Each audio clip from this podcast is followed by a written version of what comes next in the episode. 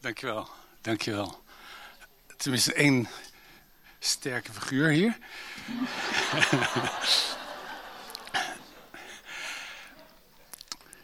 Ik vind het leuk hier vanmorgen te zijn. Ik heb het op mijn hart om over uh, Paulus te spreken. Uh, mijn vrouw die kreeg een paar maanden geleden op de verjaardag uh, de biografie over Paulus van N.T. Wright als cadeau. dat had ik trouwens geregeld ik kwam dat boek tegen in de boekhandel en ik dacht, oh, dat lijkt me heel mooi, hè? En uh, ik heb dus mijn zoons uh, voor het blok gezet en gezegd, uh, dat moet je voor Carla kopen en ik ben het gaan lezen. En daar heb ik de afgelopen maanden heel erg van genoten. Um,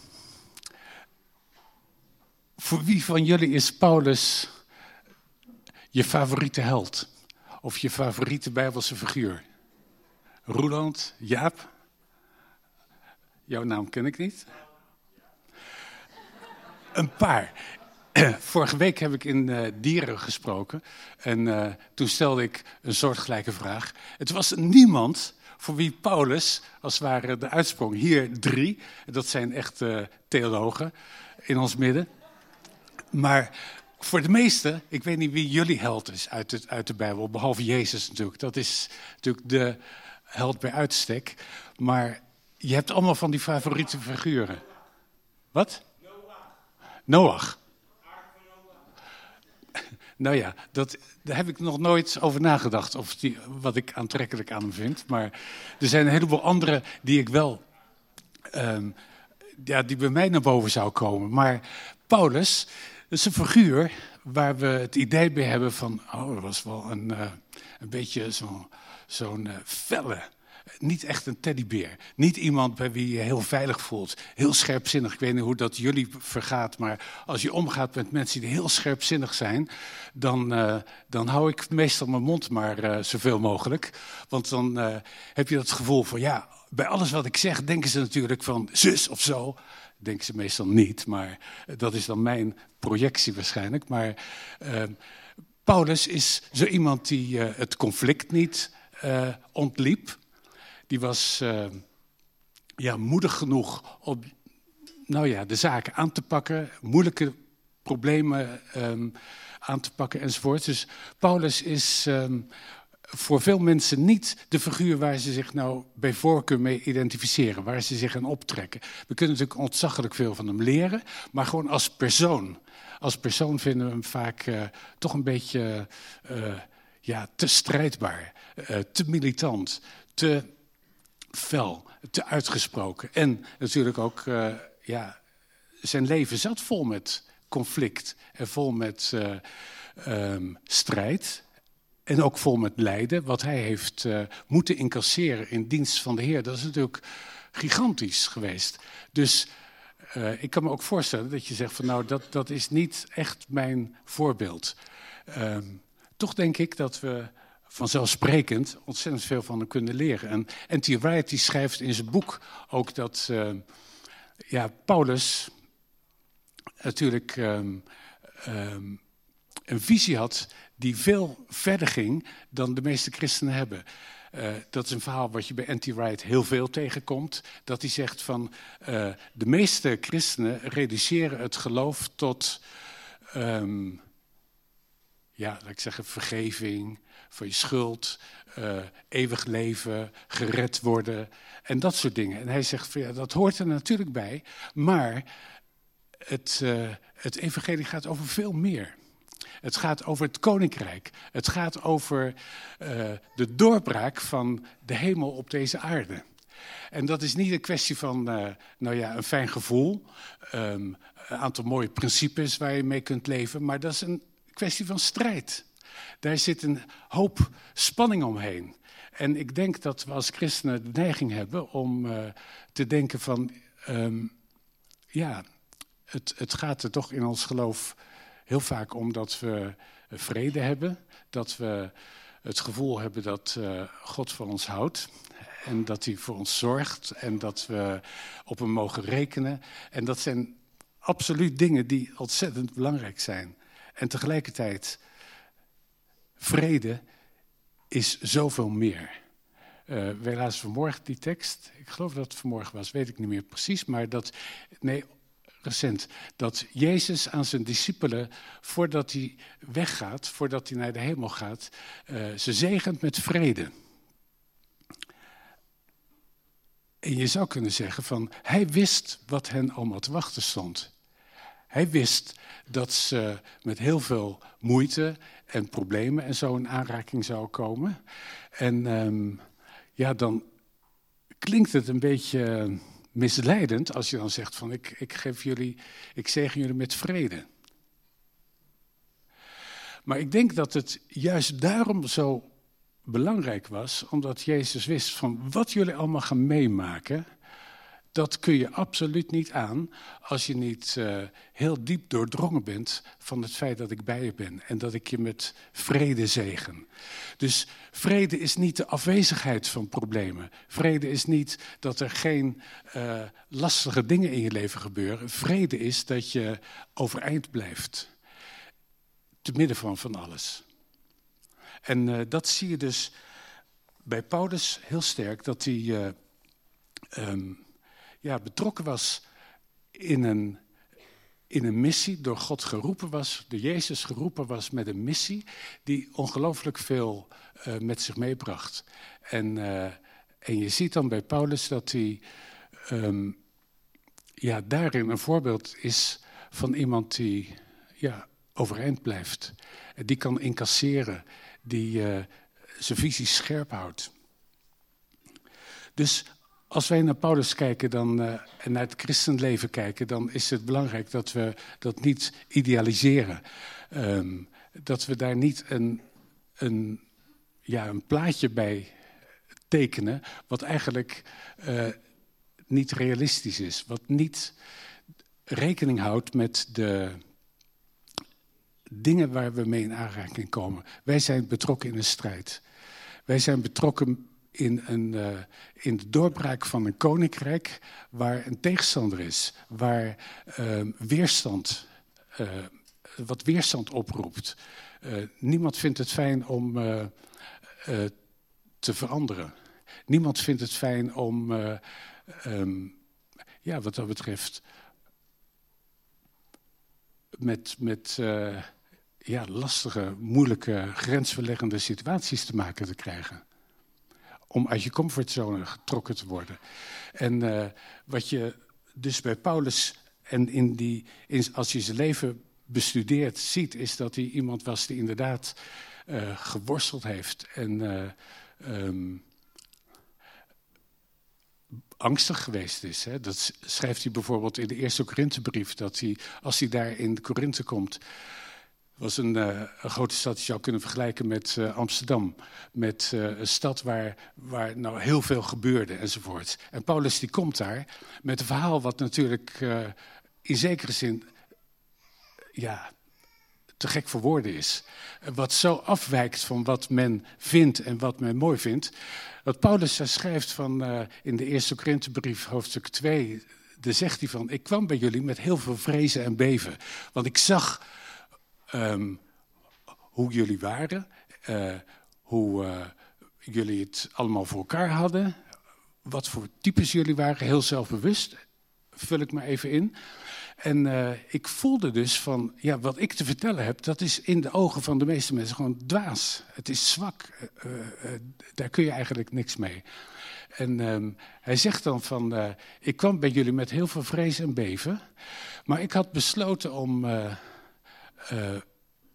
niets anders te vertellen dan Jezus Christus en die gekruisigd. Zodat de kracht van, van God niet belemmerd zou worden door mijn mooie verhalen. Um, dat, dat het heel duidelijk zou worden van dit is niet iets waarmee ik jullie eventjes uh, manipuleer of uh, beïnvloed. Maar dit is, dit is iets wat God moet doen. En dat is natuurlijk wat we allemaal ja, weten als je Christus dient. Van, uh, uiteindelijk heb je het meeste niet in eigen hand. Is het zo dat je uh, ja, echt je bewust bent van als het erop aankomt, uh, dan moet God het doen.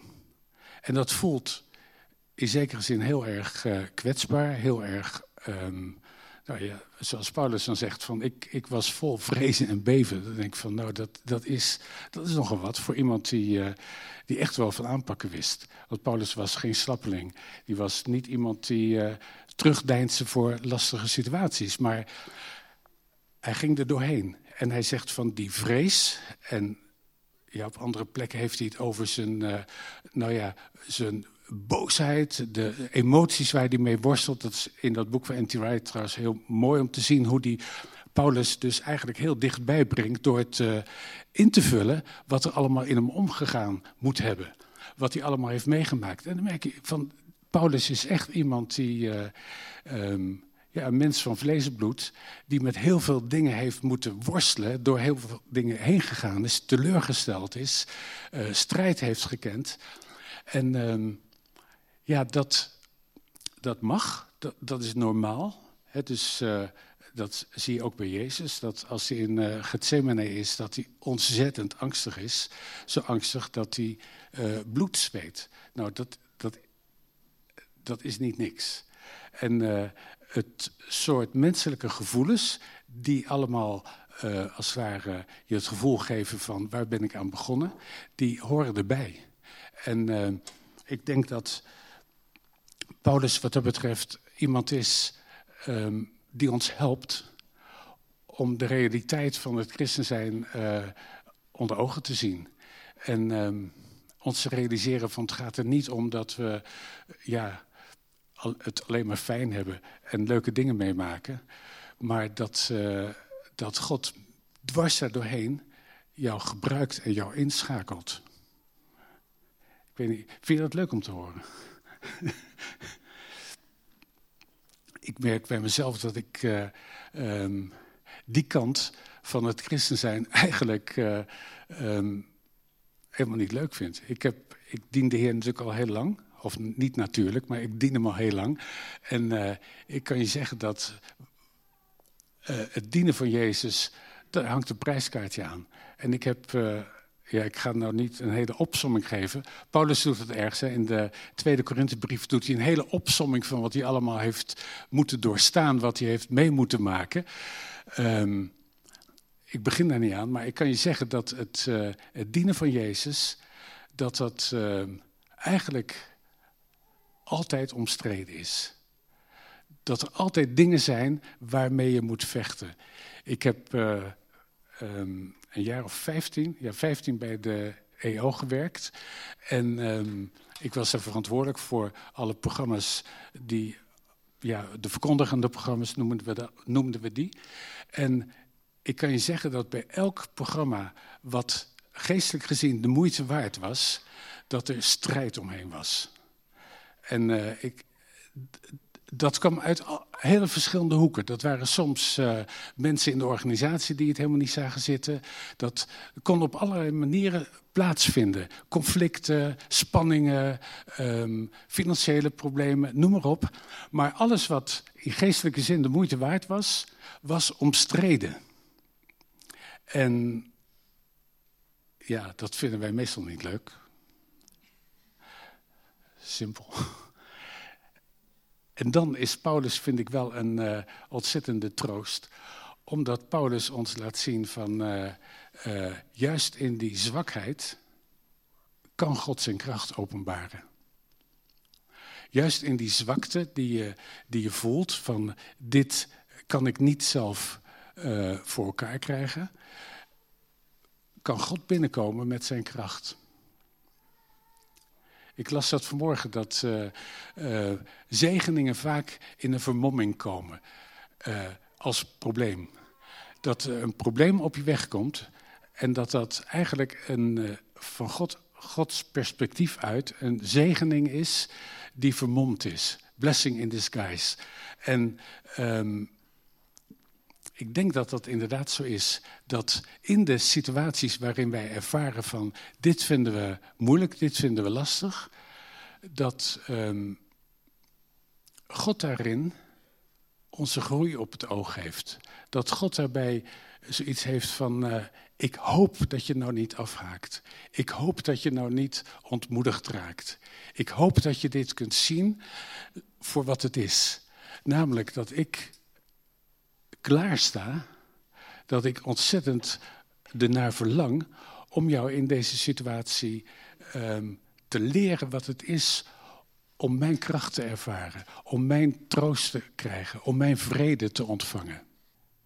Dus ik weet niet waar jij mee te maken hebt op dit moment. Of de dingen zijn waar je uh, nou ja, mee, mee moet dealen. Waarvan je zegt van nou, die, daar zie ik uh, heel erg tegenop. Dat vind ik uh, echt, dat maakt me heel onzeker. Ik hoorde een echo. Maar, ja. Ik weet niet misschien is het goed om gewoon even een moment stil te zijn nu, voor we verder gaan. En, en even een moment stil te staan bij de vraag van, uh, uh, wat is datgene op dit moment wat een zegen, een vermomde zegen voor mij zou kunnen zijn? Heilige Geest, ik bid u dat u ons helpt om in touch te komen met uh, die dingen waar we um, ja, tegenaan hikken waar we het liefst voor weglopen. Of die ons uh, ondermijnen. Waar we zelfmedelijden voelen.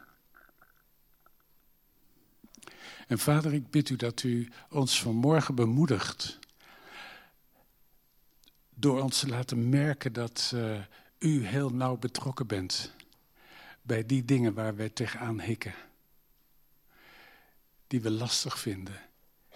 Heer, dat u ons tegemoet wilt komen, ons wilt laten merken dat uh, juist dan er ruimte ontstaat voor uw kracht. Ja, dat is wat ik vanmorgen graag wil delen met jullie. Wat ik eigenlijk de rode draad vind van uh, de hele Tweede Korinthebrief. Uh, dat Paulus laat zien dat uh, hij niet bezig is of wil zijn om zichzelf als het ware um, te profileren, zichzelf voor te doen als iemand die het allemaal in de hand heeft, maar dat hij juist het tegenovergestelde doet. En dat hij zegt van Gods kracht openbaart zich vooral in zwakte. En uh, dat stond haaks op de hele manier van geloven en denken in Korinthe. Het voert te ver om daar helemaal nu op in te gaan, maar in Korinthe speelde van alles. En uh, Paulus' gezag werd erg uh, um, ter discussie gesteld. Hij uh, had met het probleem van immoraliteit te maken in die gemeente. Hij had met partijschappen te maken, met allerlei dingen die eigenlijk uh, betekende dat hij zich heel erg uh, veel zorgen maakte. En dat hij heel erg bezig was met de vraag van uh, um, hoe moet dit goed komen? Hoe moet dit goed gaan? En tegenover dus um, dwaaleraars, mensen die zichzelf profileren enzovoort, komt hij dan met de hele opsomming van al die dingen waarin hij heeft moeten worstelen, die hem moeite hebben gegeven. En in hoofdstuk 12 zegt hij dan van, uh, uiteindelijk komt het er allemaal op neer dat ik heb geleerd dat Gods kracht zich vooral openbaart in mijn zwakheid. Zwakheid is trouwens niet hetzelfde als slapheid. En dat denken we soms als je het hebt van ik voel me zwak, ik voel me in de situatie onzeker, dan zou je kunnen zeggen van ja, dat is, uh, uh, dat is eigenlijk heel slap. Je zou je wat moeten vermannen of zoiets. Ik denk dat zwakheid te maken heeft met een besef van ik ben uh, feilbaar. Er zijn dingen die, die ik heel makkelijk fout doe. dingen die voor mij een verleiding zijn, waar ik echt op moet letten. Van die zwakte, als ik daar aan toegeef, dan, uh, uh, dan raak ik verstrikt. Het kan ook te maken hebben met uh, karaktereigenschappen. Met dingen die je lastig vindt. Hè, bijvoorbeeld, je raakt snel geïrriteerd. Of je hebt weinig geduld. Of je, je bent heel erg geneigd anderen naar de ogen te zien. Of wat dan ook. Het kan ook te maken hebben met zwak, zwakheid, met uh, beperkingen. Gewoon dat je weet van, nou, dit kan ik niet zo goed.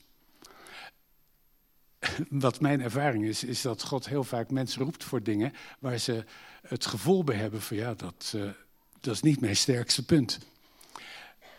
Ook dat heeft te maken met het feit dat God zegt van, ik wil heel graag mijn kracht openbaren uh, op een manier waarbij jij niet met de eer gaat schuiven. Waarmee jij niet uh, op een gegeven moment zegt van nou heb ik goed gedaan. God die is daarin ja, jaloers. Dat is een beetje raar woord misschien. Maar God die, die wil heel graag dat het duidelijk wordt van, van wie we het moeten hebben. Waar de eer naartoe moet.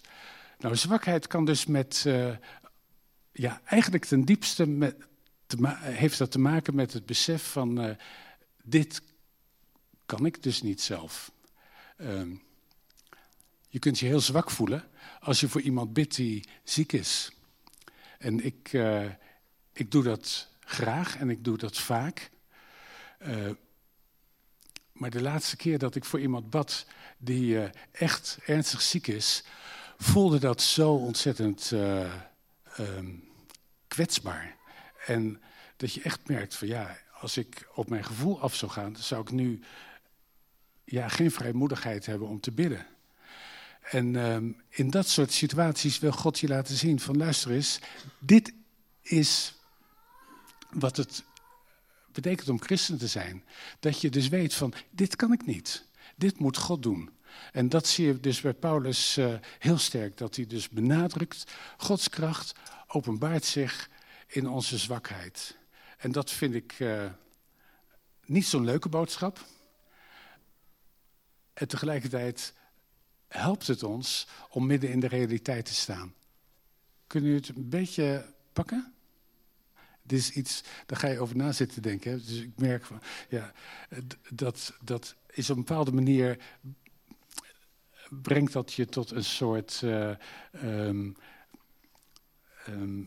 hoe moet je dat zeggen, uh, gevoel van hoe zit dat bij mij? Je gaat naar binnen kijken en zo. En dat is denk ik goed, dat is denk ik wat God bedoelt vanmorgen. Dus zijn kracht openbaart zich in zwakte. En ik wil eindigen met een stukje uit uh, uh, 2 Korinthe 6, waar Paulus dus met alles wat op hem afkomt, het samenvat in een hele serie woorden die vind ik heel erg um, goed laten zien waar het bij hem op aankomt. En dan lees ik uit 2 Korinthe 6. En dan vanaf vers 3. Uh, dat is een hele serie woorden. Die moeten we even proberen um, daarin mee te lezen. Een hele lange zin met heel veel verschillende termen die hij achter elkaar gebruikt. Wij geven in geen enkel opzicht enig aanstoot opdat onze bediening niet uh, gesmaad worden. Maar we doen onszelf in alles kennen als dienaren Gods. En dan komt er een hele opsomming. In veel dulden, in verdrukkingen, in noden, in benauwdheden, in slagen, in gevangenschappen, in oproeren, in moeite, in nachten zonder slaap, in dagen zonder eten, in reinheid, in kennis, in langmoedigheid, in rechtschapenheid, in de Heilige Geest, in ongeveinsde liefde in de prediking van de waarheid in de kracht van God. Met de wapenen der gerechtigheid in de rechter en in de linkerhand. Onder eer en smaad, in kwaad gerucht en goed gerucht. Als verleiders en toch betrouwbaar. Als niet bekend en toch wel bekend. Als stervend en zie we leven. Als getuchtigd, maar niet ten dode. Als bedroefd, maar altijd blijde. Als arm maar vele rijkmakend. Als niets hebbend en toch alles bezittend. Dat is één zin. Ik, weet niet of, uh, of je het een beetje hebt kunnen uh, volgen. Het is natuurlijk een hele opsomming, maar eigenlijk zou je die kunnen verdelen in drie uh, groepjes. De eerste, eerste begrippen die Paulus gebruikt uh, hebben te maken met de moeite. Het dus we zijn dienaren van God geweest in veel dulden, in verdrukking, in noden enzovoorts. Dat zijn dus allemaal dingen waar Paulus zegt van, um, als je naar mij kijkt, dan kun je zien dat dat er allemaal bij hoort. En uh, ik zou dat allemaal willen benoemen onder, het, onder de noemer van verdragen.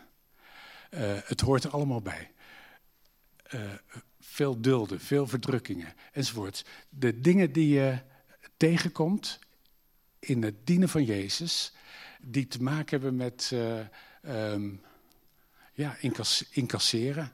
Um, de dingen die op je weg komen omdat je in een strijd betrokken bent.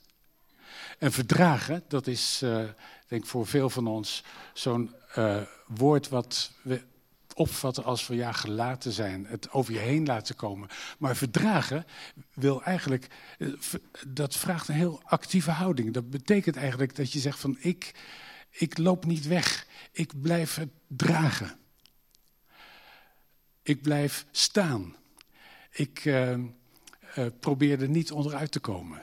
Dat is verdragen. Dus verdragen is een hele actieve houding. En Paulus zegt, er zijn veel van die dingen die je dus moet leren verdragen.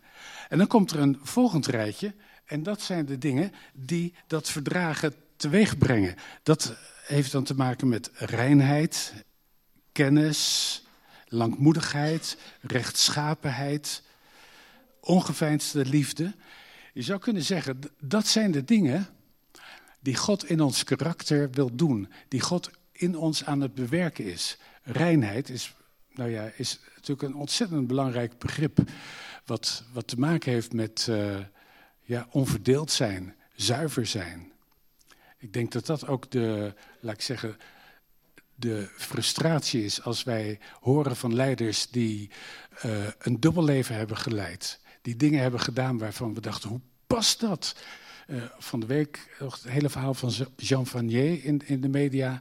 Dat je denkt van hoe is het mogelijk dat een man die op zo'n voetstuk stond, uh, ondertussen gewoon een dubbel leven leidde. Dat heeft met reinheid te maken. Dat heeft te maken met uh, het, het onverdeeld zijn. Niet aan de binnenkant anders zijn dan dat je aan de buitenkant bent. En Paulus die zegt van als je echt um, um, verdraagt als je met God leeft, dan is dat de vrucht. Dan leidt dat tot rechtschapenheid. Het, het leidt tot al die dingen die hier benoemd worden. En wat dan het aparte is, dat het derde rijtje, dat heeft dan te maken in, met, met de paradoxen van ons bestaan. Uh, dus dan wordt er gezegd, als Paulus heeft benoemd hoe die bezig is, wat er in zijn karakter uh, gebeurd is, dan begint hij met uh, onder eer en smaad, in kwaad gerucht, goed gerucht, als verleiders en toch betrouwbaar, als niet bekend en welbekend, als stervend. En zien we leven als getuchtigd, maar niet ten dode, als bedroefd, maar altijd blijde, als arm, maar vele rijkmakend, als nietshebbend en toch alles bezittend. Dat zijn de paradoxen van het leven waar je mee leert omgaan als je Jezus volgt. En uh, ik heb een, uh, een, boek geschreven. Het is ook na afloop kun je het uh, kopen als je dat wil. Maar dat gaat eigenlijk helemaal rond het thema paradoxen. En ik denk dat paradoxen in het leven van de christen... dat zo belangrijk is dat we die onderkennen. En dus als we het net hadden over kracht in zwakte... dan is dat een levensgrote paradox. Paulus noemt hier nog een heel stel. Wat is nou eigenlijk de dynamiek van God in ons leven is dat hij ons niet spaart voor moeilijke dingen, maar dat hij die moeilijke dingen gebruikt om ons uh, karakter te vormen, om ons tot mensen te maken die eenduidig zijn, die stevig zijn, die integer zijn, die uh, op hun plek staan, die autoriteit durven hanteren. En dat hebben we nodig om in de paradoxen van dit bestaan um, niet heen en weer geslingerd te worden. Want ik denk dat dat ontzettend snel gebeurt als je, uh, als je lastige dingen meemaakt. Dat je dus heen en weer, op en neer geslingerd kunt worden. En dat God juist zegt van ik wil dat je in die paradoxen... Hè, soms ben je bekend En soms ben je onbekend. Paulus die, die, die wist van, er zijn mensen die, die vinden het helemaal niks wat ik doe en anderen die vinden het fantastisch. En die beide als ware omarmen, dat is de kunst. Om rijkdom en armoede, om blijdschap en droefheid te omarmen, dat is de kunst. En die kunst die leren we als we volwassen worden, als we groeien in het, uh, uh, in het kennen van Jezus, als we groeien in ons in ons karakter, als we groeien in onze persoonlijkheid. En om te groeien gebruikt God die lastige situaties in ons leven. Zie je het plaatje bij elkaar komen? En ik, uh, en ik denk dat het uh, Gods verlangen is dat wij, nou, zoals in Efeze 4 beschreven wordt, dat we niet langer op en neer en heen en weer geslingerd worden, maar dat we groeien. En dat we stevig worden. En dat God in ons leven dingen kan doen die alleen hij maar kan doen. Hij wil niks liever. Hij ziet ons te veel zitten om ons maar een beetje voor zoete koek te laten meespelen. Hij ziet te veel potentieel in ons om uh, het op te, op te, geven. En dat is, denk ik, wat God vanmorgen zou willen doen. Hij wil ons uh, uh, aansporen om dwars door alles heen open te staan voor wat hij kan doen. Dus ik weet niet waar je net over gedacht hebt, waar God je bij bepaalde. Maar het is denk ik goed om daar nog een moment stil over te zijn en voor te bidden. Ik zou je daarin ook willen zegenen. Heilige Geest, ik wil u danken dat u de trooster bent. Heer, dat u ons troost als we door moeilijke dingen heen gaan.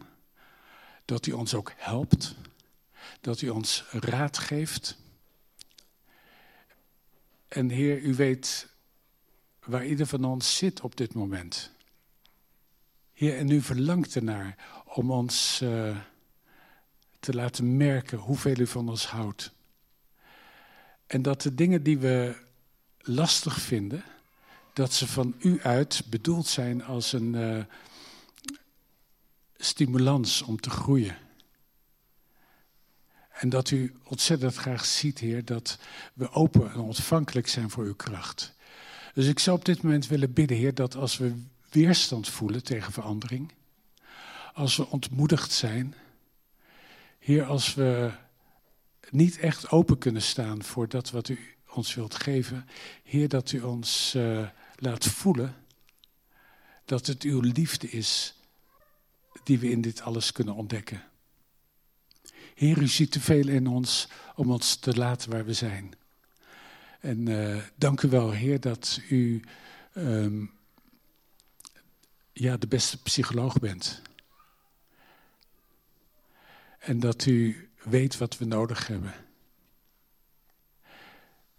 En ik zou je willen zegenen, zodat je steeds verder uitgroeit tot iemand die uh, stevig is, die volwassen is, die zwakte kan uh, omarmen.